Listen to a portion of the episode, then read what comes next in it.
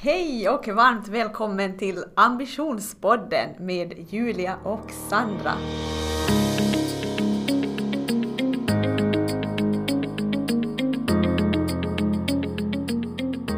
Hej och välkomna! Hej, så roligt!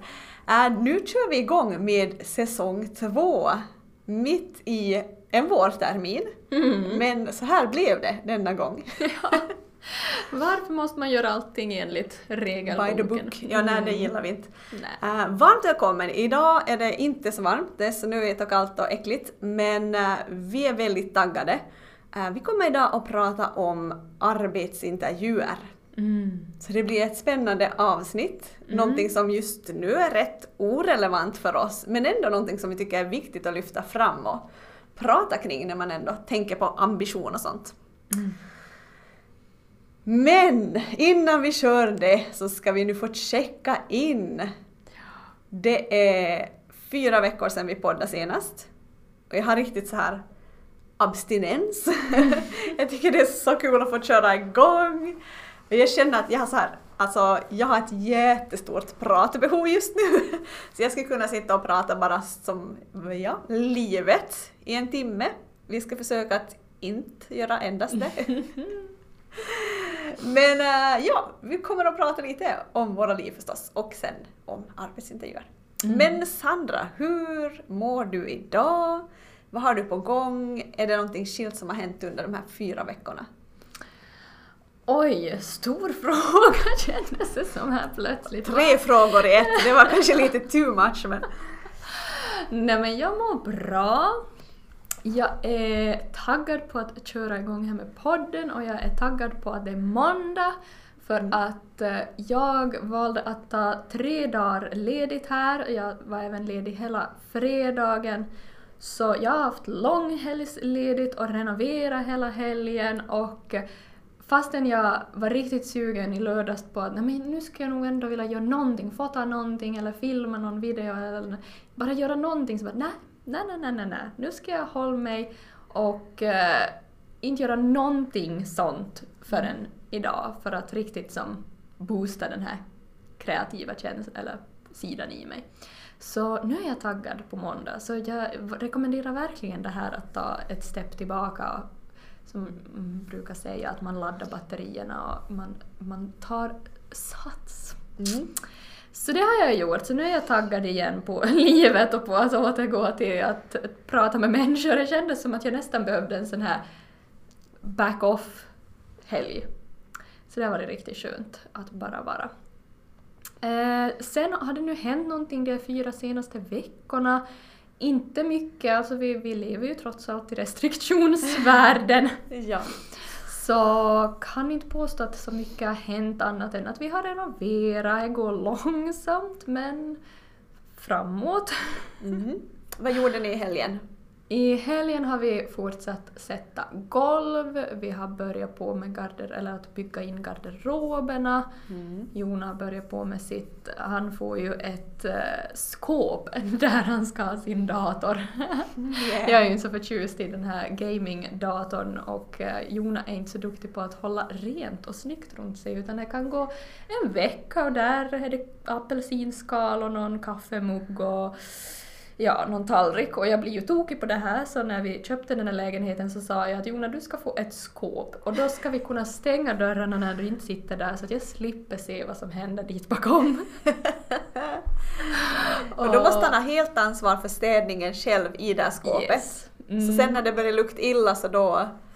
Ja. Då är det, då- då är det han som får ta ansvar för att... Du, du blir liksom inte alls störd utan du kan hålla dig. Ja, vi ska se. Antagligen kan jag inte hålla mig men, men åtminstone längre än, Mm. än vad jag gör när jag är ute i det tomma intet så att säga. Mm.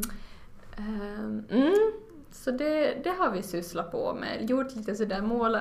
Det är ju alltid de här små fläckarna överallt att man, man har spacklat någonstans och behöver måla där igen och Mm. så vidare och så vidare. Så sådana små fix för att ja, jag har ju ändå varit helg och, och vi blev redan ehm, klagade på för att vi håller på och renoverar på helgdagar, vilket jag dock har nu lärt mig att aha, helgdagar är bara söndagar, det gäller inte lördagar. Nej, har någon klagat för att ni rämpar? Ja. What? Vilket är lite irriterande. Jag, jag sa då till den här di- disponenten att okej, men att hur ska vi lösa det då? För att vi båda slutar jobba, oft, eller speciellt Jonas som nu är den som ändå kan renovera Ja. eh, det mesta, så, så han slutar, kommer hem kanske där vid fem, sex på kvällarna och sex eh, så är det tystnad, alltså som då får man inte renovera på vardagar. Och eh, sen på helgerna, eh, nå som sagt nu, nu, jag trodde helgdagar var både lördag och söndag nu när vi googlade så insåg jag att okej, det är bara söndagar så jag gav ju åt, oss åtminstone lördagar. Men jag sa ju det att, att hur ska vi som jobbar ungefär till fem sex på in i vardagarna kunna och göra dessutom allting själv i renovering, hur ska vi kunna renovera då? Ja. Sen fick jag aldrig något svar på den frågan så jag var sådär, ja no, men okej, men då fortsätter vi. Först då jag skrev att absolut har vi ju, res, vi respekterar absolut och försöker ju att ändå tänka efter att inte vi nu kör en hel dag alla möjliga maskiner utan att vi som för, ho- försöker hålla till kortare stunder och vi renoverar ju för det första bara varannan helg. Ja. Att, ja, så... Plus att det är ett annan, en annan lägenhet det är också renoverat där de inte följer dessa tider kan jag ju säga men då var det ju förstås vi som fick ta... Jag vet ju inte om de också har fått Ja. ett mail, antagligen har de ju det också men ändå Ja, att man exakt. får, får den här att ja, att inte renovera klockan tio på kvällen och så är man så det mhm, nej, för det har vi inte gjort. Nej, alltså- exakt. exakt. Alltså intressant, jag visste inte att det var att det som är från klockan sex på vardagskvällar. Mm. Skulle aldrig ha vetat. Nej. Jag som alltid bara tänkt på den här tystnaden och den är väl typ tio. Mm. Och sen är den elva eller tolv på helger. Ja, någonting sånt. Det är nog något vad jag har varit van med sen tidigare. Att Ja. eh, och sen jag tänker just tvättmaskin i huset så får användas till åtta. Just så då det. tänker man ju kanske, ja men åtta åtminstone Ja. får man väl nog renovera till. Men Ja. sex, så är ju därför, därför går så långsamt för oss också, för att vi måste vara tyst. Ja. Så vi gör ju ingenting in i veckorna för att inte hinner vi när, Nej. när eller för, för det som har mycket ljud är oftast sånt som Jona Ja. sköter. Ja. Så Exakt. att, att just sånt som jag, att jag målar och sånt är ju inte förstås, men Nej, det funkar. det funkar. Och vad galet. Ja, Ja men exakt. mm. men det är nog min incheckning. Ja. Häftigt. Mm.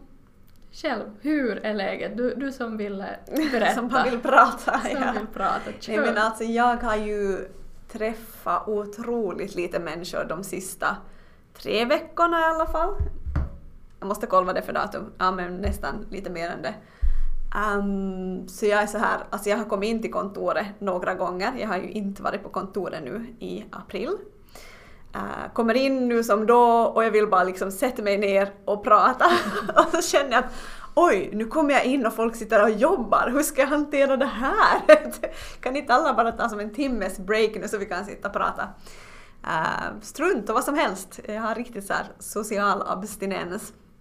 Men eh, det har nog varit en riktigt håriga period. Jag har min respekt för människor som bygger hus och för folk som är inom byggbranschen har höjts ganska mycket under de sista veckorna. För vi köpte huset då, nu kommer jag inte ens ihåg vad som hände för fyra veckor sedan, men jag sa då i, i podden. Men vi köpte hus och vi köpte det hus vi ville köpa redan i, ja, i slutet av förra året, eller i oktober var det, och, och det hus som vi redan i, i juli var och tittade på. Så det blev efter alla motstånd och motgångar så blev det ju så att vi köpte det första april. Det kändes sådär yes, det här är så trovärdigt på alla sätt och vis. Men eh, så blev det och vi fick nycklarna då och sen dess så har nog jag varit där jätte, jätte, jättemycket. Och Eh, min svärfar så är, är väldigt duktig, jobbar själv som har, har ett eget litet företag som byggare. Så han är där på heltid mer eller mindre och eh, oftast mer, oftast mycket mer. Och likaså jag är där på största, största delen av dygnet när jag är vaken. Så vi har jobbat superhårt, jag är jätte, jätte, jätte trött om orden sluddrar och allting så det alltså, jag är nog på något sätt väldigt matt men det är jätteroligt att det har gått så här snabbt. Så vi har nog rempat fullt. Vi har, vi har ju ett hus som känns än så länge vansinnigt stort. Och det är nog jättestort och det är jättesjukt. Det är liksom, det här huset är som så out of our league. Alltså det är när man sitter där som man säger hur kunde vi hamna med ett sånt här hus? Alltså det är, så, det är så paradoxalt på något sätt. Vi som inte ens typ ville ha hus eller visste om vi ville ha hus. Uh, eh, men det är jättehärligt. Vi har rempat först då övre våningen och kunna flytta in en del saker dit. Nu håller vi på med nedre våningen och den stora delen, vi har som ett stort sån här kök, matsal och vardagsrum som, som är så här U-format men ändå är öppet. Och det är klart också. Så nu är det nå ett, två små sovrum där. Nej, ett sovrum är kvar där nere och en tambur med golvläggning och målning. Så då börjar vi närma oss målet. Sen finns det ett rum som jag, alltså jag bara vet, jag är en sån här som är en sån här 80-procentare. När 80% är klar, då vill jag gå vidare. Mm. Då är jag såhär, okej okay, nu är det här färdigt, nu sticker jag, någon annan får reda upp det här. Uh, och jag alltså kommer bara precis så, finns som, när man kommer in i huset så kommer man in till en stor sån här, ja men först till en stor tambur. Vi kan säga att det är tamburen som ändå är med klinkers och så här och sen kommer man in till en hall var det då kommer vara parkett. Men den här tamburen har så här rutiga tapeter, små rutiga tapeter, röd och så här ljusvit eh, system och så har den en bord där uppe som är klädnypor på. Och alltså det, åh, men alltså alla tapeter i det här huset har varit väldigt sådär, ja, inte vår stil eller min stil. Um, men i och med att vi inte ska lägga parkett där så kommer jag ju inte att orka måla det där. Det kommer bli mitt så här att ah, jag tar det lite senare. Mm. Så att uh, kanske på semestern i sommar så då målar jag även de här klädnyporna liksom. Alltså klädnypor, fascinerande val av tema på en tapet. Ja, den här borden liksom och borden är upp i taket en bit, inte riktigt ända upp men är sådär. De hade också en bord i... 90-tals. Typ. Ja, verkligen. Uh, det är ju rempat ändå på 2005 till 2009 men väldigt så här 90-talskänsla i, i liksom allt. Och i hallen sen så hade de borden som mitt på väggen men i den första så är den dit upp i taket någonstans. Jo, så jag skulle kunna prata hur mycket som helst om det här. Renovering och måla och olika färger och kombinera och allt. Jag tycker det är så roligt. Um, jättekul. Så det, det, det, har jag ju funderat på kanske mest nu då att mm, borde jag ändå starta en firma som har någonting med den här renoveringen att göra.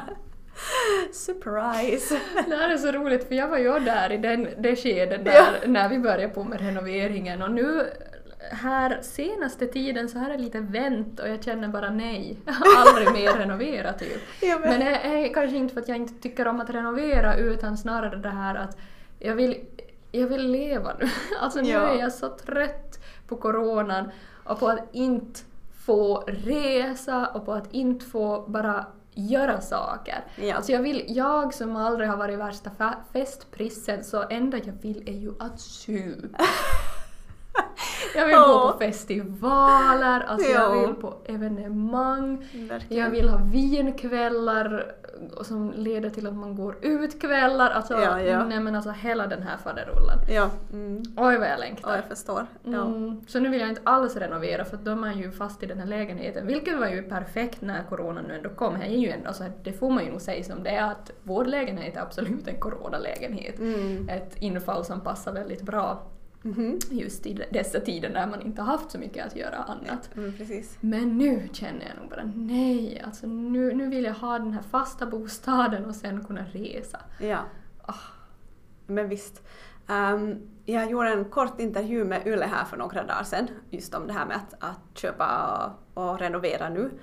Um, skulle ni ha köpt lägenhet om det inte skulle ha varit corona?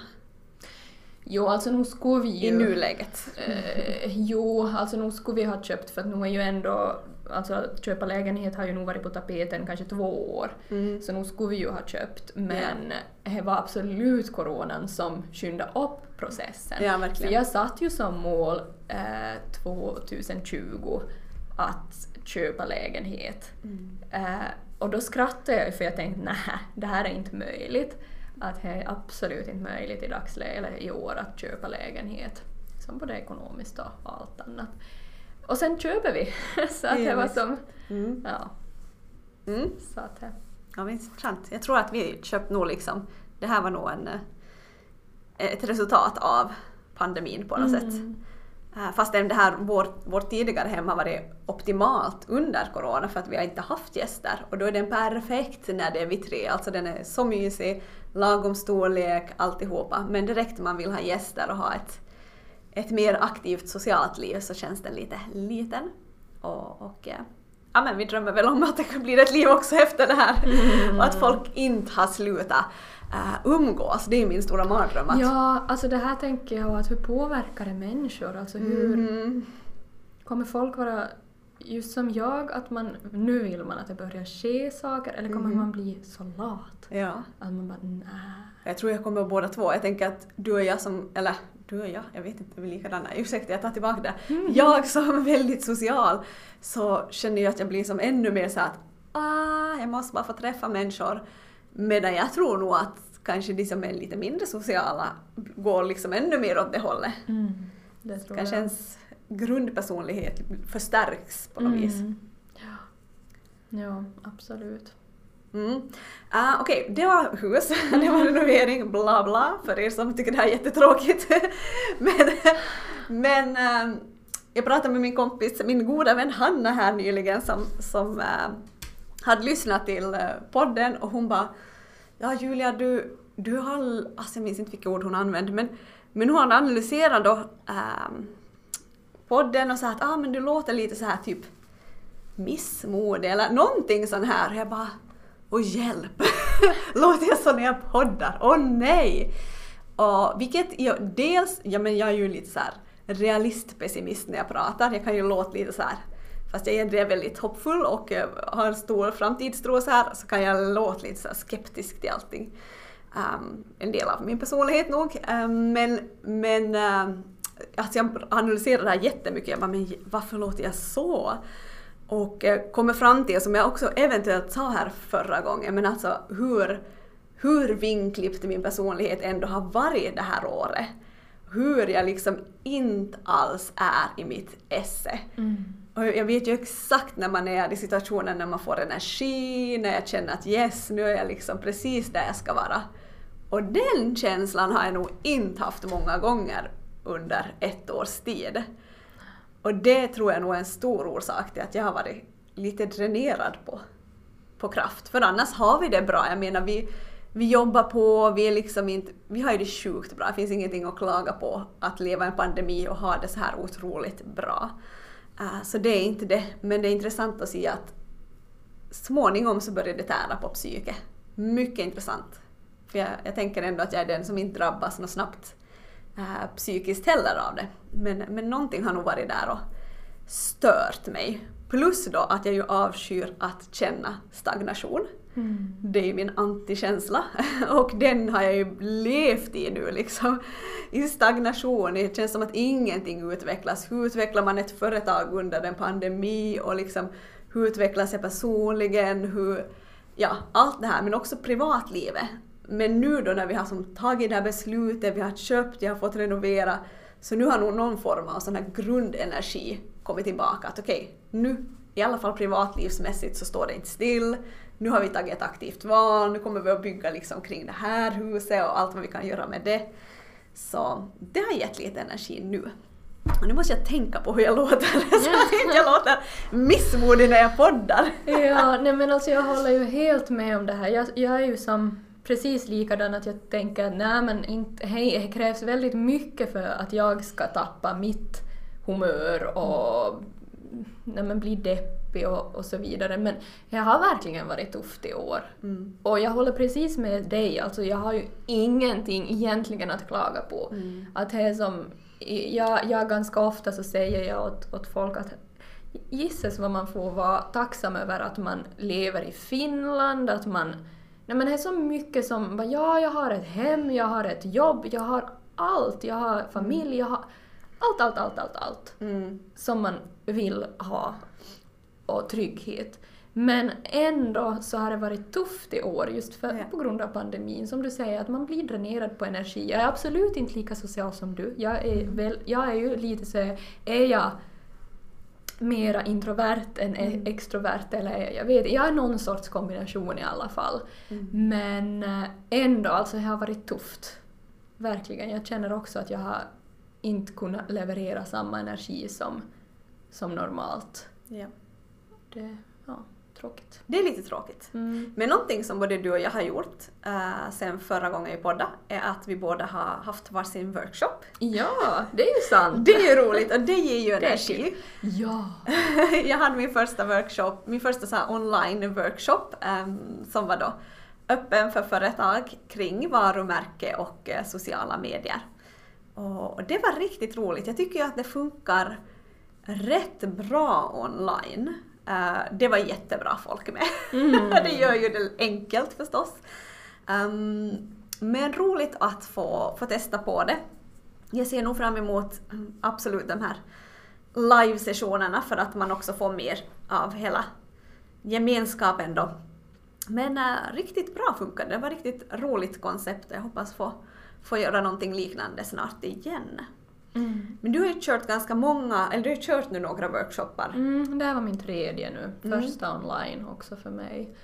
Och eh, ja, alltså jätteroligt. Jag var nog väldigt nervös på förhand just på grund av det här att det är online. Att hur... Nej men, lyckas man med hela den här biten att hålla det intressant och engagera människor när det är bakom en skärm? Men absolut gick det bra och jag själv, jag är absolut nöjd men jag är och jag tror, och det verkar som på feedbacken som att alla är jätteglada och tacksamma och tyckte det var jättebra men jag själv är ju som ändå Mm, man, man har ju som jämfört så hårt med när man har haft de live-sessionerna och just hur svårt det är ändå att på något vis som få det på samma sätt. Men ja, jag är nöjd och det finns mycket, eller finns en del att utvecklas. Eh, men i det stora hela var det ju verkligen som lyckat förstås för att vara Mm. första gången. Men, men ja, en del saker som jag kommer utveckla till nästa gång. Men jag hoppas ju att nästa gång skulle kunna också vara en live. Ja, och nu börjar det vara nära. Nu Mm. börjar det nog vara hoppfullt och Ja. kanske också därför man blir ännu mer så här ehm, utmattad eller utmanad för att det är också det här 80 procent att nu är vi så Mm. nära att ha levt igenom det här och då kommer tröttheten i, i kapp och man börjar Mm. slappna av och så vidare. Mm, Så jag kan nog ta lite extra energi just nu kan jag tänka mig för, för många. verkligen. Världens längsta check-in. Ja, men Tack vi har ju att jag haft, fick prata. vi har ju haft paus också i fyra veckor så man måste ju få...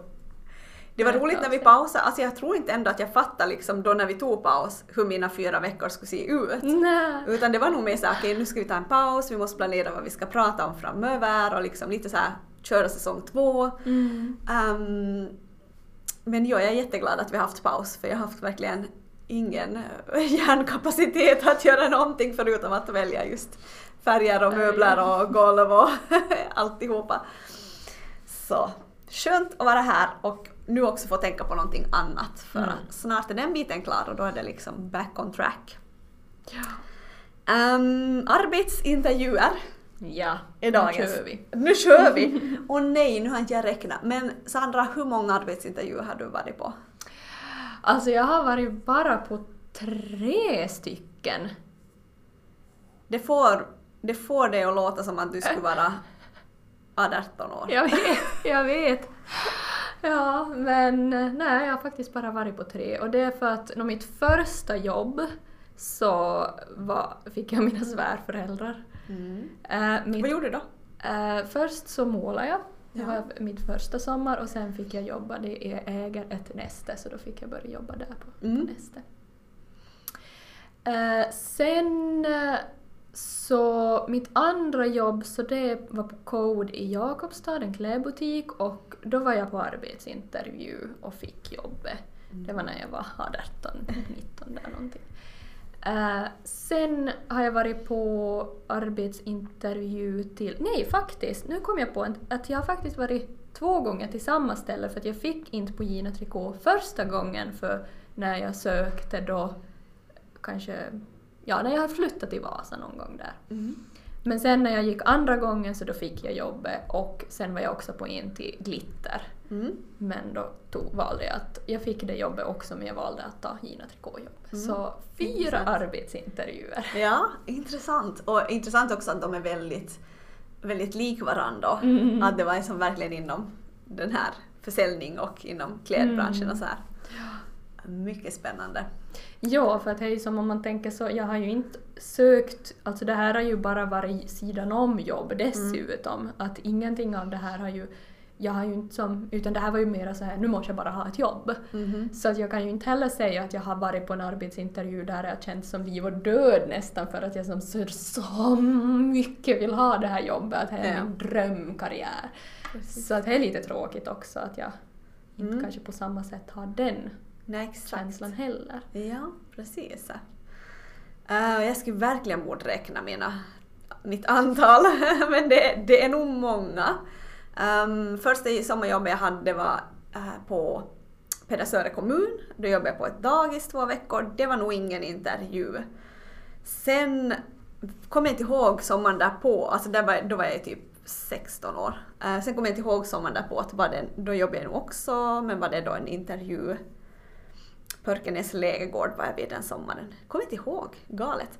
Uh, sen i något skede så jobbade jag på McDonalds och det var ju nog en helt sån här jag tror det var min första intervju där jag också måste prata på finska, vilket nog var ett jättestort steg för mig. Um, ja, från... Ja men ja, som det nu var då när jag kom från Pedesi, från Jeppi så kändes som att det finsk, finska språket var väldigt långt borta då. Eh, sen har jag nog under årens lopp varit på ganska många ska jag säga. Någon gång ska jag nog räkna dem men, men jag tänker att det i alla fall måste vara liksom nå 15 kanske. Mm. Men det, det här är bara en siffra jag hittar på. Den, den här kommer inte att stämma. Jag tror nog att det kan vara... Ja, jag ska inte säga någonting mer. Men det är många känns det verkligen som. Ja, och det kan nog vara betydligt fler än vad jag just sa. Mm. Um, det är någonting jätteintressant för det är som prekär situation det här att gå in i en arbetsintervju. Um, och det jag tänkt på nu när vi som funderar på det här temat och planerar så är det så sjukt att man ändå liksom, man har 45 minuter eller vad en intervju kan vara. Man har som de här minuterna på sig att leverera och visa vem man är eh, och på något sätt sälja in sig på ett sätt som passar just det företaget och Mm. de personerna som intervjuar för att det ska då bli en match. Um, så det tycker jag är spännande. Det här är Mm. någonting jag faktiskt är ganska fascinerad av. Jag skulle gärna själv sitta med i rekryteringssituationer Mm. och själv få liksom ställa de här frågorna och göra den här analysen. Och jag ska också själv vilja få mycket, mycket mera feedback efter, de, efter intervjuer. Det tycker jag alltid har fattat så att Mm. även om jag har kollat upp efteråt så är det väldigt svårt att få någonting, någon substans ur Mm. själva svaret. Tyvärr. Precis. Mm. Har du något eh, så här roligt minne från någon arbetsintervju eller har du något så här taskigt minne? Något roligt vet jag nog inte om jag har, eller ja, inte, jag har inte varit på så vis något speciellt men ja, om vi säger mer som värsta minnet så det här var inte på så vis samma sätt en arbetsintervju men jag kom på att jag gjorde ju ändå en intervju inför min praktik i Stockholm när jag studerade till estenom. Och då, alltså det här är så, så lustigt, men eh, då eh, vi ringdes upp via, vad nu då var på den tiden, Skype. Och eh, egentligen så, så pratade vi bara några minuter och sen avslutade hon med att ja, att jag ville nu mest se att du, du förstår svenska. Ja! Jag bara jaha, okej, ehm, har du missat det här med finlandssvenskar? att det eh, kändes lite så här, ja okej, tack. Nej. ja, precis, så att Ja. eh, det, det kändes lite så det att Okej, no, men ska vi ta det här från början nu då? Att okej, så Finland har då tillhört Sverige. Exakt, men jag tror att ska man söka jobb i Sverige ska det in, det ska vara en väldigt vanlig fråga tror jag. Mm, no, jo, det är nog sant. Men, ändå eh, så pass, ja, så, pass många som inte känner till mm, finlandssvenskar, mm, tänker jag. Tyvärr. Tyvärr. Trist. Trist. Um, jag var på en intervju en gång där det var, jag tror det var fem personer som, som satt på rad, om vi nu snackar om vad som har varit, jag vet inte om det var det värsta, men det är en sån här gång när jag ångrar att jag inte var liksom, att jag inte hade ett jättesnabbt och klipskt svar och att jag inte sen faktiskt gick vidare med den här äh, frågan. Uh, men jag satt på den här intervjun och, och det var annars helt okej okay intervju. Um, på min CV så, alltså jag har ju jobbat i, inom kristna organisationer också. Och det finns ju med på min CV. Um, man får ju i princip inte googla folk om de ska komma in på arbetsintervju men att jag antar att det också är väldigt vanligt och kanske den vägen så hade de också sett lite vad jag hade jobbat med och sådär. Um, och så var det en, en dam på den här intervjun som hade suttit tyst hela tiden. Och så mitt i allt så lutar hon sig fram och så ser hon riktigt, riktigt, riktigt, riktigt skeptisk ut och har en sån här riktigt vass blick och bara nu kommer hon att liksom såga mig. Och så lutar hon in och så säger hon så här riktigt föraktfullt. Alltså hur tror du att du ska jo kunna jobba på en arbetsplats där det finns ateister? Hur ska du klara av det? Och jag bara What? Uh, you gotta me? be kidding me! Alltså jag, bara, alltså jag blev så paff. Och jag minns jag var så upprörd efteråt att jag inte bara direkt var så att men du jobbar ju på det här stället, är du ateist? Hur kan du jobba med någon muslim? Mm. Eller finns det någon som är kristen på det här stället? Det var en mm. jättestor organisation. Så det fanns mycket folk av många olika livsåskådningar. Uh, jag blir så, så upprörd. Uh, men jag hanterade det förstås snyggt där och då, men inte det där klipska snabbtänkta. Det var så störande. Utan jag var mer såhär att jo, vet du, det är nog något problem att jag fungerar väldigt bra med alla olika typer av människor. Oavsett vad man, vad man tror på och inte, det spelar nog ingen roll. Mm. Väldigt fint och snällt och diplomatiskt. Mm. Men jag har nog många gånger tänkt efteråt att jag borde verkligen ha anmält det. Att det var ju som en mm. otroligt icke-relevant fråga. Ja, alltså. Som, jättekonstig fråga. Det var väldigt konstigt och jag vet inte, alltså, och speciellt jag, men kanske om jag inte skulle hon ha fått ställa den heller om jag skulle haft en annan eh, väldigt konst, alltså väldigt ovanlig religion, mm. någonting som skulle vara så här jättemega uppseendeväckande för att vara Finland. Mm. Men nu inte som att kristendom är liksom WHAT i mm, Finland. så att jag var nog väldigt, väldigt paff över det. Uh, mm då är jag lite irriterad. Mm, det tror jag. Men äh, sen har det funnits vissa intervjuer också som har varit jätte, jätteroliga. Mm. Och äh, när man känner att man som verkligen synkar med de som intervjuar och man har som bara en jätte så här, rolig och skön jargong och, och det flyter på. Mm. Mm. Finns det någonting när du tänker på intervjuer överlag där du känner att äh, det skulle vara roligt att ännu kunna utveckla någonting? Finns det något så här som stör?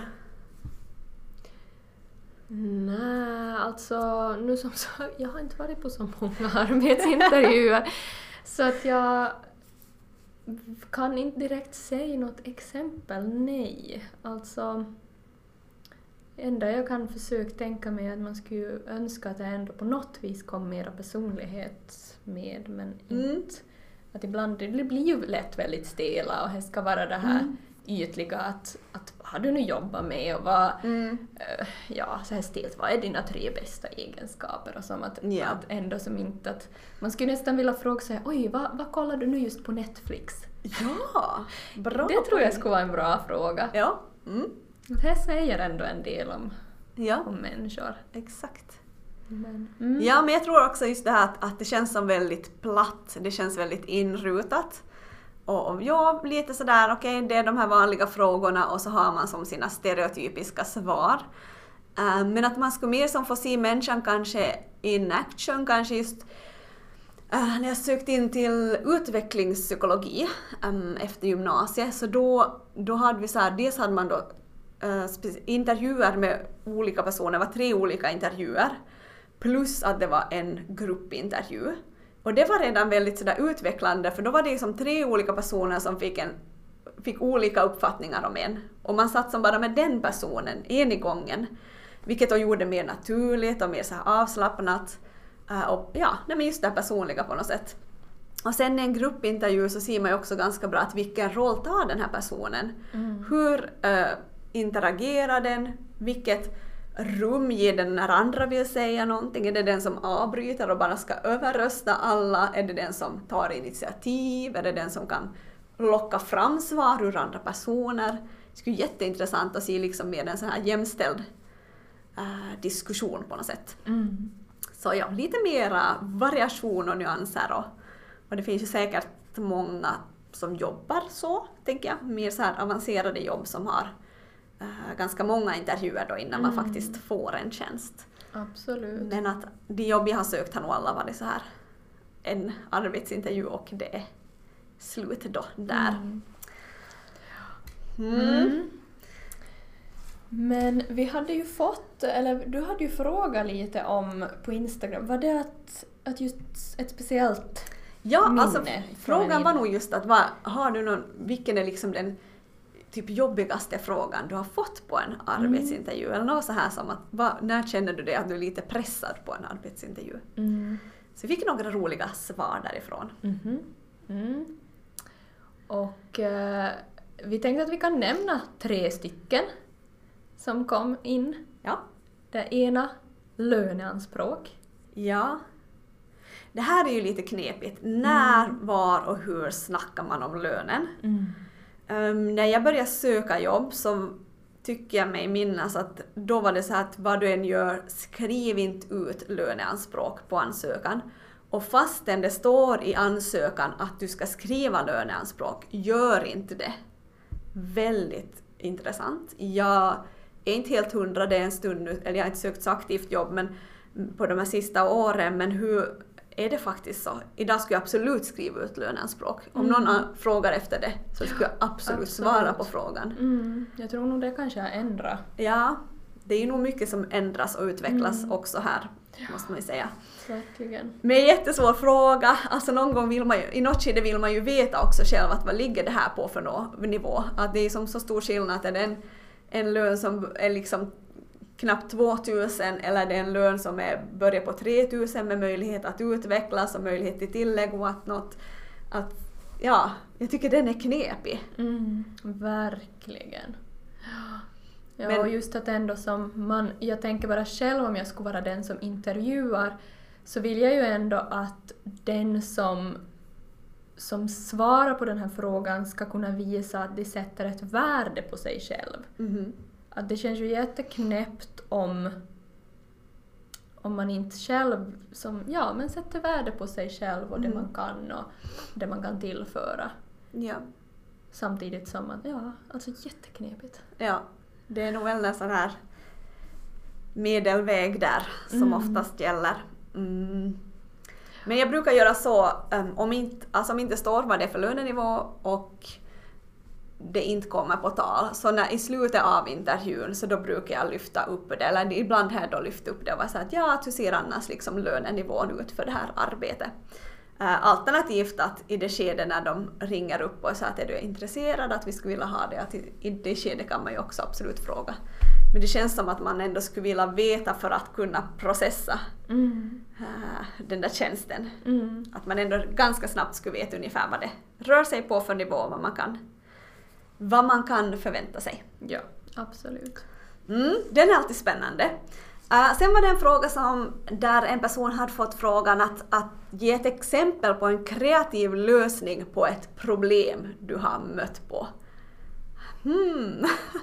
Ja, alltså jag, jag tycker ju det här var en Ah. jättebra fråga men samtidigt alltså ovanlig och som skulle vara väldigt svår att svara på sådär bara mitt i allt. Aha.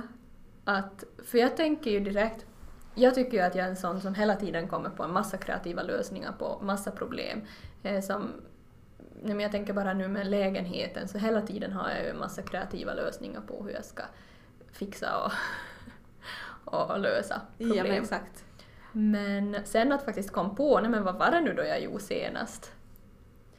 Och hur liksom, att också hitta ett exempel som har att göra med jobbet. Mm. Och någonting som är väldigt, ja men det här, så här gjorde jag på mitt förra jobb. En fråga som jag inte gillar, som är väldigt vanlig, det är, det är att berätta, berätta hur du har misslyckats med någonting och hur du sen hanterar det. Mm. Berätta om ett misslyckande och hur, vad du gjorde sen för att lösa det. Hä? Alltså jag, usch, jag blev så ställd när jag fick den frågan en gång. Och jag som inte släppt den där frågan men jag har inte heller kommit på något bra svar. Mm. Har du något misslyckande? Berätta om ett misslyckande du har, du har misslyckats med någonting och hur du har löst det. Ja, alltså, nej, men jag vet inte vet jag om det är korrekt svar här nu, men jag, alltså direkt när någon säger vad har du för misslyckanden, så då tänker jag direkt på när jag jobbar inom direktförsäljningsbranschen Mm. och det här företaget eh, helt enkelt inte fortsatte. Mhm. Det blev på paus. Ehm, för att dra den här historien kort nu, så drar jag inte upp själva den biten. Men just att den här stunden att kändes som att jaha, okej, så här har man nu satt då var var då två år på att kämpa och jobba hårt och, Ja. och klättra som tusan inom den här branschen och, och jag, jag såg mig själv så starkt som med det här företaget och den här identiteten. Och att då bara jaha, det finns inte längre. Mm. Vem är jag nu? Vad gör jag nu? Att nu, nu försvann den här, liksom den biten av mig som känner att som jag känner att har varit så viktig för min personlighet på något vis. Ja. För att den bevisar att jag kan någonting. Ja. Så att jag minns ju hur jag låg på soffan och bara som tittade ut genom fönstret och bara alltså mitt liv vart försvann. Mm. Att det bara drogs under mina fötter kändes Ja. det som. Men eh, sen så att jag ryckte upp mig väldigt snabbt och eh, började fundera, jaha, men då måste jag ju göra någonting annat och då kom våga in i bilden. Mm. Så att det är ju ändå, ja, inte vet jag om det är korrekt svar på den här Mm. frågan, men det är ju, Nej, alltså det är jättesvårt för att det handlar ju inte om att du har misslyckats. nej, nå förstås. Eh, det handlar ju om en utmaning du har mött. Mm. Och, och, men att när det ska vara specifikt att det är någonting som jag har gjort där jag har misslyckats. Mm, sant. Ehm, så det, den tycker jag nog är lite... Jag tycker den är svår. Mm. Så att eh, okej, har du som lyssnar, kan du ge ett exempel på det här så är jag jätteintresserad av att Ja, höra på det. faktiskt. Det kan ju vara att man, alltså jag tror att jag är en sån som förtränger, om jag gör bort mig rejält Mm. så kanske jag, jag tror att jag förtränger det ganska snabbt. Jag kommer som inte riktigt på att vad skulle jag ha gjort som är sådär ah, det här var ett sånt misslyckande på mitt jobb. Utan det som bara, va? Mm. vad skulle det vara? Typ att man skulle som ha glömt bort att man ska ha någon presentation för någon kund eller något. Det skulle kunna vara något sånt här men att Mm. inte har jag ju gjort något sånt heller. Nej, jag vet inte. Mm. Nej, den är svår. Men det här känner jag att det är lite på samma nivå, en kreativ lösning på ett problem. Det är så att, Mm. ja, ja, jättebra fråga. Ja. Jag fattar att eh, personen i fråga tyckte att det här var utmanande. Mm, absolut. Sen sista som, som eh, eller en av de här vi fick också var Håll ett fiktivt säljmöte. Mm. Den är ju intressant. Det är jätteintressant. Och i det här fallet så var det en person som satt på en intervju och hade sex personer som intervjuade och så skulle den då gå in i en, i en säljroll. Jag var själv på en arbetsintervju och då, då gick eh, personen ut eh, från rummet till ett annat rum och ringde upp mig. Och jag skulle då där och då sälja in den här produkten som jag ju inte ri- riktigt kände till i, i det läget utan Nej. bara så här testa att sälja. Mm. Eh, så den här är faktiskt ganska utmanande. Jag tycker att den är lite rolig för den är, ja, den är jätteobekväm Mm. men ändå lite sådär okej men hur spontan är du, hur snabbt kan du ta den här situationen? Mm. Jag kastar den här bollen, fångar du den nu? Eh, men, men alltså den är ganska sådär, uh, okej, lite prestationsångest ändå. Mm, absolut. Ja. ja, jag fick faktiskt då när jag sökte till Glitter så fick jag fråga, eller så då slängde hon fram en hårborste till mig och sälj den här till mig. Just det. Mm. Så där fick jag faktiskt den. Men inte vet Ja. jag då om det råkar vara lätt just uppgift för att en hårborste är kanske inte så svår att sälja in till någon men, men mm, så Mm. då tyckte jag det var en rolig, ett roligt, ja, Ja. en rolig fråga men, Jag tror också det beror på mycket ju vad... på vad du ska Var sälja man hamnar, exakt. Mm, exakt. Och just som det. du sa att är det ändå ett företag du inte helt hundra har koll på Mm. produkterna de säljer så då kan det ju vara svårt förstås men Ja, men verkligen. Mm. mm. Häftigt. Um, vi hittat en lista. Mm. Berätta Sandra. Ja, egentligen grunden till hela det här eh, avsnittet så var att jag, jag vet inte ens vad jag satt och googlade men jag hamnade in på en sida, en artikel där de hade samlat de, alltså en massa kändisar, eller kändisar, eller som så är stora företagare i hela världen, till exempel Elon Musk och, och så vidare. Och eh, som frågat att vad är deras favoritfråga under en arbetsintervju som de, de ställer till Mm. de som söker jobb hos dem.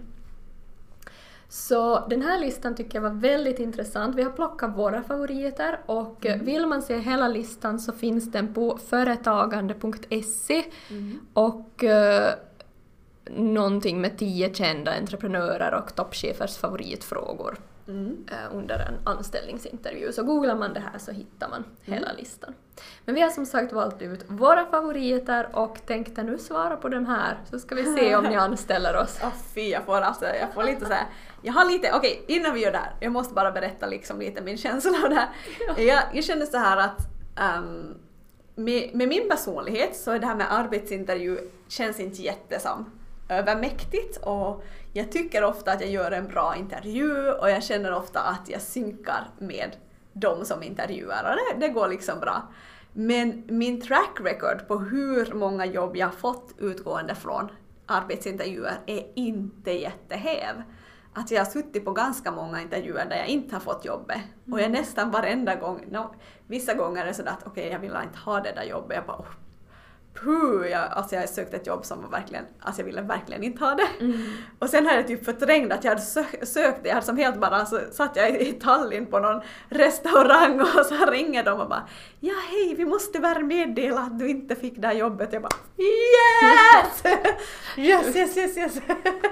så skönt, men det var verkligen en mismatch och det, det kände vi nog liksom, tror jag alla i rummet. Det här, det här var ingen bra Mm. äh, synkning. Men, äh, men andra där jag känt att åh, så bra folk, så kul uppgifter, vi synkar jättebra och så får jag inte ändå. Och jag sa att what? så jag har funderat massvis på det här, att vad är det som gör det? Jag frågar ofta, äh, bara jag kommer på det så frågar jag nog att okej, nej men vad, vad är liksom och också om, det, om vi har som synkar bra så säger de ofta det också. Mm. Att jo, att vi, vi tyckte att du, den feedback jag har fått flera, flera gånger, att har verkligen som tyckte om mig och det varit en jättekiva intervju. Men de har andra, eller de har då en annan kandidat som har mer erfarenhet på det området eller som är betydligt starkare på finskan. Mm. Så det har varit mina två sådana här som, som jag har fått som feedback. Eh, sen har jag försökt rannsaka mig själv och säga, är det någonting annat? Mm. Och eh, då har jag funderat, är det, kan det vara så att jag blir liksom lite för pådriven? Precis. Så nu borde jag gå på en intervju, testa, vara tyst, vara lugn, inte ge så mycket energi. Vara så här, mm, ja, tala långsamt, inte bli så ivrig. Så ja, jag vet inte om jag vill göra det idag just, men nästa Ja. intervju kanske. Ja, så nu känner jag att du måste nu måste du fara på en arbetsintervju. Jag borde verkligen göra det och testa för att ja, jag tycker det är intressant och svårt ibland då att förstå vad, vad händer där och Mm. hur kan jag göra bättre intervjuer.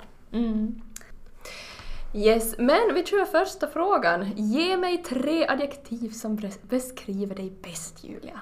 Okej, jag säger att jag är eh, social, driven och eh, snabbtänkt. Mm. Tog en stund att komma på det där sista. Och på tal om snabbtänkt så kommer vi att köra den här listan ganska så rapid för man får inte tänka efter något länge. Nä, Okej, arbetsintervju. tre adjektiv. Jag är, vad heter det, organiserad. Heter det så? Ja, Organiserad. går jättesnabbt. Jag är driven och jag är... ehm, alltså nu, nu är det press på känner jag. Alltså jag är... Alltså... Ja men vi säger kreativ. Jag är kreativ. Ja, Jag bra. hade ett annat ord men det kommer inte på nu. Eh.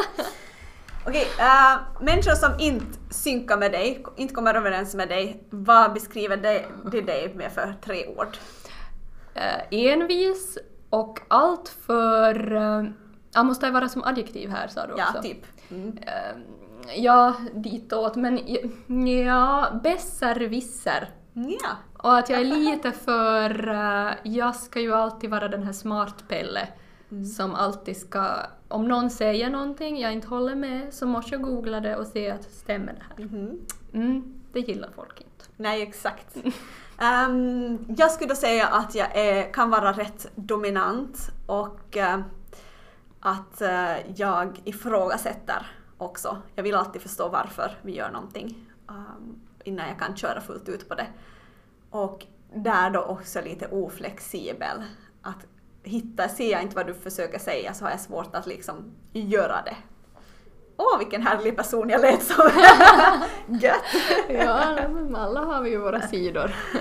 Ja, nummer tre. Är du den smartaste personen du känner till? Nej. Och eh, det är ju för att jag tycker det, det låter jättekonstigt om man skulle säga att man är den smartaste personen för att man kan ju alltid lära sig saker och jag känner det roliga är dock att jag tror faktiskt att om det till och med var Elon Musks fråga det här och han ansåg att man ska svara ja, Mm. vilket går helt emot mitt tankesätt för att jag Ja. känner ju bara nej, nej, nej för att är du redan den smartaste så, så kommer du ju inte sätta tid på att utvecklas. Nej. Och jag menar, hur ska du då kunna bli bättre? För att Exakt. ingen kan väl vara så smart att de inte behöver bli bättre? Att Alltså liksom- den här frågan är så, jag tycker den var jättedålig. Jag sa Mm. direkt att vi stryker den här frågan. Vad är det här för idiotfråga? Att, det är som, ja. Mm. Exakt. Ja, men jag instämmer med dig där.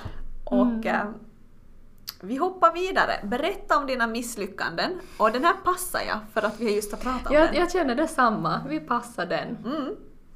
Men istället kan jag fråga att om du fick chans att lägga till någonting på ditt CV, vad skulle du lägga då? Du nämnde ju, du nämnde det här Netflix. Ja, jag tänkte ju säga, alltså jag skulle nog vilja på, på något vis visa min personlighet och bara, nej men vet ni hur härlig jag är? att man vill ju ha med mig på jobbet. ja. Oj, det här påminner faktiskt, det här sa jag faktiskt i slutet av min intervju på Estenom, så frågade hon vad vill du ännu tillägga? Så sa jag, ni vill inte börja i höst utan mig. Åh, det är ju jättebra. ja, jag antar att det var därför jag kom in. Yes! det är superbra.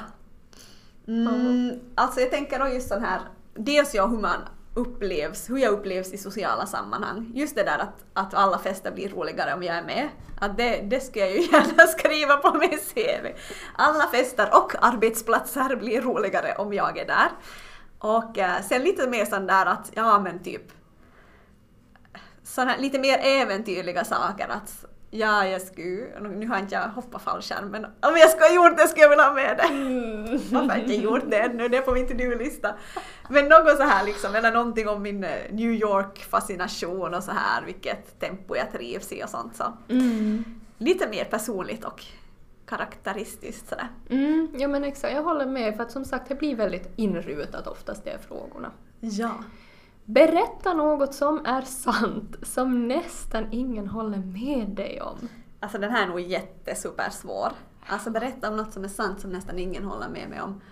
Ehm, oj, alltså jag, skulle jag få den här på en arbetsintervju skulle jag nog få så här Panik. lite panik. Ja. Mm.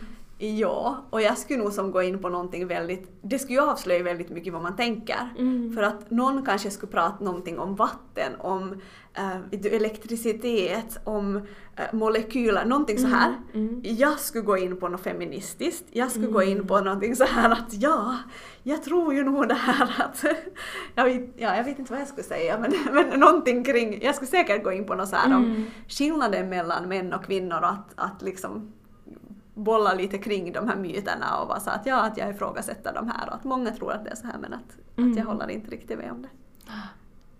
Nej, och då skulle man nog vara ute på hal is på den intervjun. Absolut, Alltså det ska tyvärr. avslöja allt för Tyvärr, mycket. ja. Alltså, om den personen alls uppskattar Ja. den typen av diskussioner så då är man Mhm. ute, tyvärr. Och det är Ja. ju hemskt. Ja. Men, Ja, ganska bra fråga för den är, den är ja, och jättejobbig. jag, alltså jag, jag skulle få panik som sagt för jag måste passa på den här nu just för jag kommer inte på någonting som... Nej. Jag vet inte ens i vilken ända jag skulle börja. Jag vet att jag brukar ibland säga, och jag undrar om inte, jag tror att det är i den här feministiska diskussionen sådär att, eh, att jag ibland brukar säga att det, det är inte många som håller med om det här men så här tycker jag. Så en sån sak som, om man någon gång säger så i en argumentation så då, Mm. det är ju en sån sak som skulle kunna vara en viss sanning som man tänker att Mm. det här är sanning för mig men kanske inte så många andra håller med om Nej. just det här biten. Men, ja, alltså man kan ju gå vart som helst Ja. Eh, vi, vi, tar, vi tar någonting lättare. Mm. Varifrån får du dina influenser? Vad inspireras du av? Oj, så mycket. Alltså jag inspireras av er här på Hopen, jättemycket. Jag inspireras av poddar som till exempel Framgångspodden. Nä, va? jag har väl inte Sandra nämnt tidigare här. Aldrig. Eh, nej men där alla de människorna, för jag har ju varit inne på också att jag, jag kan ju inspireras av vem som helst. Ja. Alltså även de här sportfånarna som Ja, jag ja. nämnde, de här för att det säger ju också någonting om min personlighet, att jag är så långt ifrån från sportvärlden som man bara kan vara och ändå inspireras jag massor av de här fotbollsspelarna och ishockeyspelarna och allt vad det nu är. Mhm. Eh, ja, och förstås sociala medier. Precis. Mm. Ja, jag skulle nog säga att ehm, det som jag influeras av och så här är ju nog andra människor och det kan verkligen vara liksom lajdaste lajtan, att det kan vara ett samtal med en okänd människa på en eh, tunnelbana liksom. Att eh, bara få höra någonting om no någonting som någon annan har gjort eller som de är passionerad för eller då, där de har varit modiga. Någonting så här att det, det är nog det som ger mig väldigt eh, mycket input. Ehm, då kan det ju vara böcker eller liksom poddar eller what not men, men allra starkast skulle jag nog säga att människomöten är för mig. Vad har du lärt dig under det sista året? Eh, oj, alltså...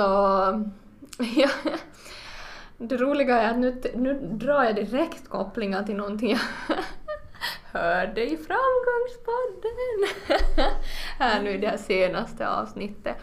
Och det var ju bara ett kort avsnitt men eh, det, den här frågan som fastnade i mitt huvud så var att Will it make the boat go faster? Att eh, hela det här var om just tanke, hur man tänker, vad som är ens grundtanke och hur man helt enkelt ska utvecklas. Och då var i det här sammanhanget så var det då att det här i teamet skulle fråga sig själva att kommer den här båten, alltså bokstavligen, kommer den här båten att gå snabbare? Kommer den gå snabbare av att de tittar ett till avsnitt Netflix sent på kvällen? Kommer det, båten gå snabbare om de tar en extra rep på gymmet? Att det var det här tankesättet här. Och det här fastnar verkligen för mig. Att just det här att, att om man har en dröm, kommer jag nå den här drömmen om jag gör det här? Att ibland just som för att det är ju lätt absolut hänt att man sitter och kollar Netflix lite för länge. Så då att man faktiskt som, absolut ska man ju göra det också, att om det är någon som har fått lära sig det att det är nyttigt att också kolla Netflix ibland så är det ju jag. Men att ändå ibland få ställa sig den här frågan att det här som jag gör nu, kommer det ta mig närmare mitt mål? Och just det här att, att will it make the boat go faster? Det var liksom en jättebra så här tanke Mm. vad ska vi säga, ett citat som jag verkligen kommer ta med mig. Och jag kommer ha just det här med boat bara för att det blir som så bildligt. Ja, Lätt att komma ihåg. mycket bra. Mycket bra. Det här är en fråga som jag skulle få lite sådär att aha, då ska jag måste gå igenom några anteckningar. Jag har alltid om jag har gått lite på någon konferens eller jag lyssnar på någonting så ja, men vad tar du med dig? Jag bara vänta, jag måste ge mitt anteckningsblock. Det här är en Samma. sån fråga. Vad har jag lärt mig under det senaste året? Jag har lärt mig att suppa, räknas det? jag tror att jag skulle som säga det som en, en kontrast liksom. Mm. Okej, nej, men det här var sommaren när jag lärde mig att suppa. Okej. Mm, ja. Ehm, och överlag liksom, trust the process är väl nog någonting som jag mediterar mycket över där, just det här året också. Mm. Väldigt specifikt att det är ingen panik. Livet är långt, man får många chanser, ehm, man hinner testa på så mycket saker. Fast det har varit ett trögt år så kommer det nya år och det kommer nya tider. Så lita på processen, eh, det som finns över ditt liv det kommer att uppfyllas. Kanske inte bara i år som jag har tänkt så här. men Vi kan säga att det var årets så här. Ehm, ja, om, du har, om du skulle kunna sitta ner med dig själv för tio år sedan, ditt, eller alltså du går tillbaka till tio år tillbaka, ehm, vilket råd så skulle du ge ditt yngre jag? Mm, då var jag alltså 18. Och jag skulle, jag skulle kunna säga att, att, för jag höll ju redan då på med sociala medier, så jag skulle nog säga kör hårt på sociala medier. Att satsa på det. Mm, För att det är det du kommer vilja göra sen. Även precis. om tio år. Mm. och det du önskar du skulle ha satsat mer på från första början. Ja, precis det. Ja, men då om jag skulle, för jag skulle nog ha, säga det där som jag sa, just alltså att lita på att det kommer. Alltså, på något sätt känner jag att jag ofta varit en person som jagar och jagar och jagar och jagar. Och, och det ligger väl också i min personlighet att göra det, men att ibland också, man behöver som inte jaga konstant utan det som ska ske så kommer att ske. Ehm, men kanske att som jag tror jag skulle uppmuntra mig själv till att göra någonting som skulle ha varit um, jag vet inte, alltså börja blogga, gör någonting där jag skulle ha jobbat mer med mitt eget varumärke. Uh, då skulle jag kanske ha gärna ha sagt det redan för 20 år sedan, för att för 10 år sedan var jag ju 25. Men att, säg nu 15, ja men 15-20 år sedan, att börja blogga, börja ta för dig, använd alla sociala medier som kommer emot för att skapa det här varumärket och för att jobba liksom för min egen utveckling eftersom jag gärna utvecklas inom de områden. Så jag ska peppa med lite mera mod och ja, Mm. driv där. Ja, exakt. Mm.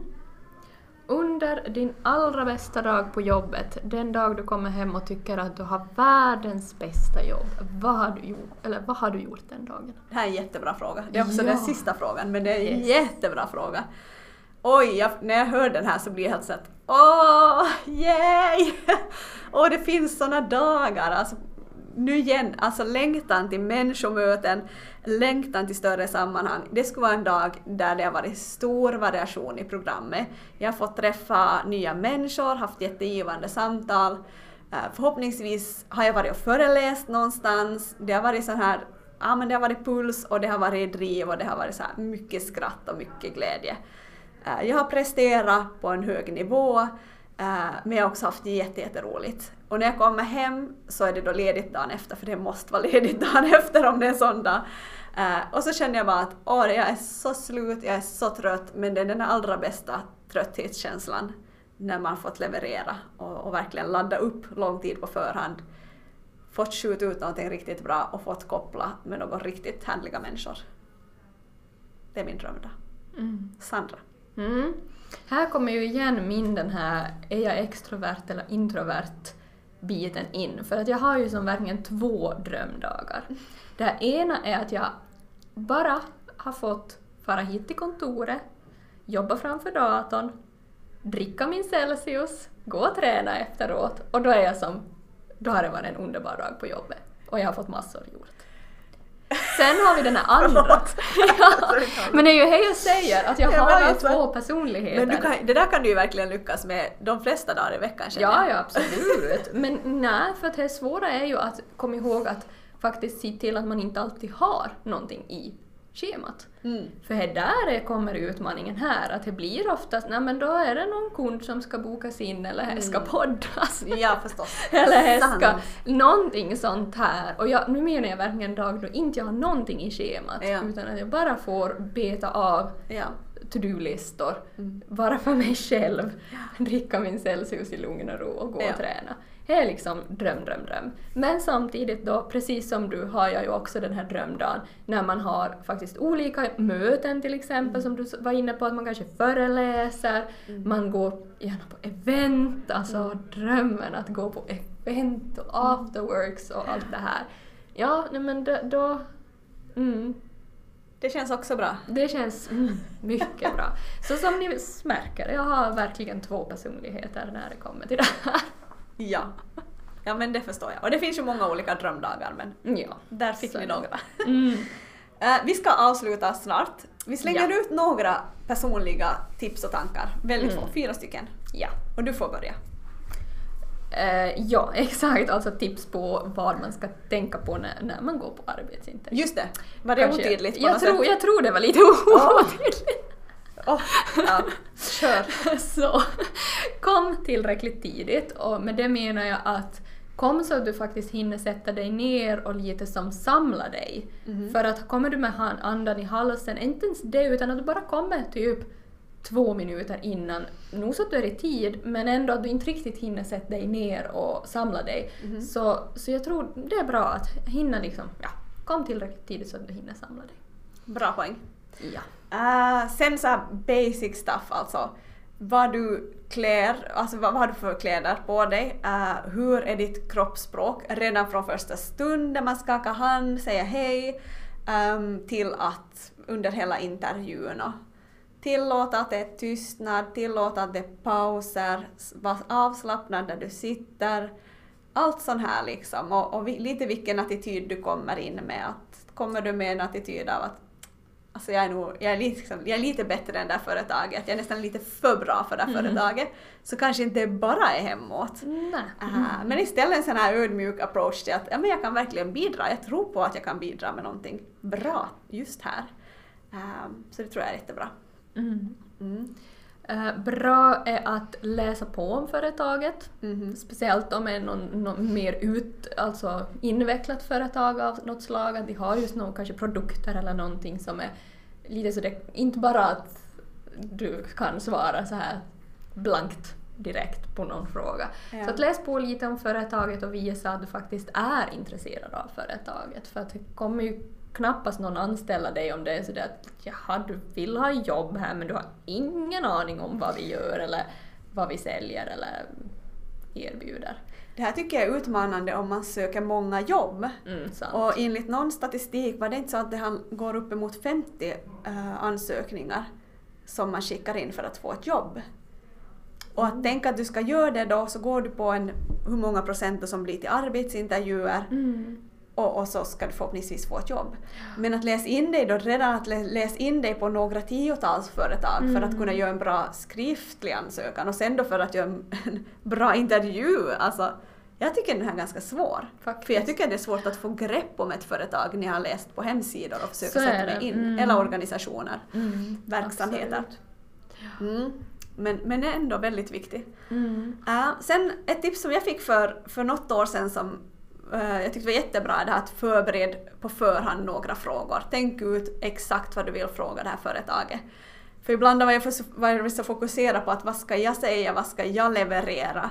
Så att jag glömmer bort att det faktiskt är en fråga om att finns det en match mellan oss? Inte bara liksom vill de ha mig, utan vill jag också ha dem? Mm. Uh, så tänk ut några frågor och jag skriver ner ibland på förhand och för att, för att sen komma ihåg dem i stundens hetta.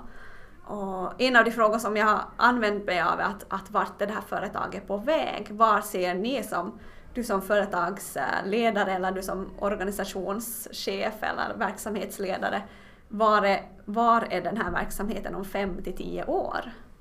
Uh, väldigt spännande att se vad de tänker. Är de på väg någonstans eller är det ett upprätthållande? Mm. Och så vidare. Och, och sen kanske mer så här att hur ser en typisk arbetsdag ut? Eller är det några speciella personlighetsdrag som ni framom allt söker, eller någon speciell kunskap som inte kom fram i, i den här ansökan, liksom, eller där, ja, uh, som ni ännu skulle vilja, vilja att personen har som ni anlitar. Och mm. Lite liksom fiska och visa det där intresse och ömsesidiga intresse där. Ja. tror jag är jättebra. Mm, verkligen. Skriv gärna in dina erfarenheter, ja. hör gärna av dig. Det här mm. är ett jättespännande ämne, superutmanande och som de flesta av oss är ganska nervösa inför när man väl mm. hamnar in på en arbetsintervju. Absolut. Uh, så det går att utvecklas här. Mm. Tror jag. Jo, jo absolut. jag, jag menar det här kändes ju utvecklande att göra det här fast ja. vi inte på så vis ska nu i dagsläget söka Exakt. jobb. Exakt, visst är det så. Ja. Kul! Spännande ämne, lite olikt, ovanligt för oss entreprenörer, men väldigt bra att också fortsätta tänka på, mm. uh, fortsätta jobba med. Fortsätt uppdatera din CV, det är ett tips. Fortsätt uppdatera din arbetsansökan så du har en bra grund oavsett om du nu är entreprenör för stunden, om du har ett jobb du trivs bra på.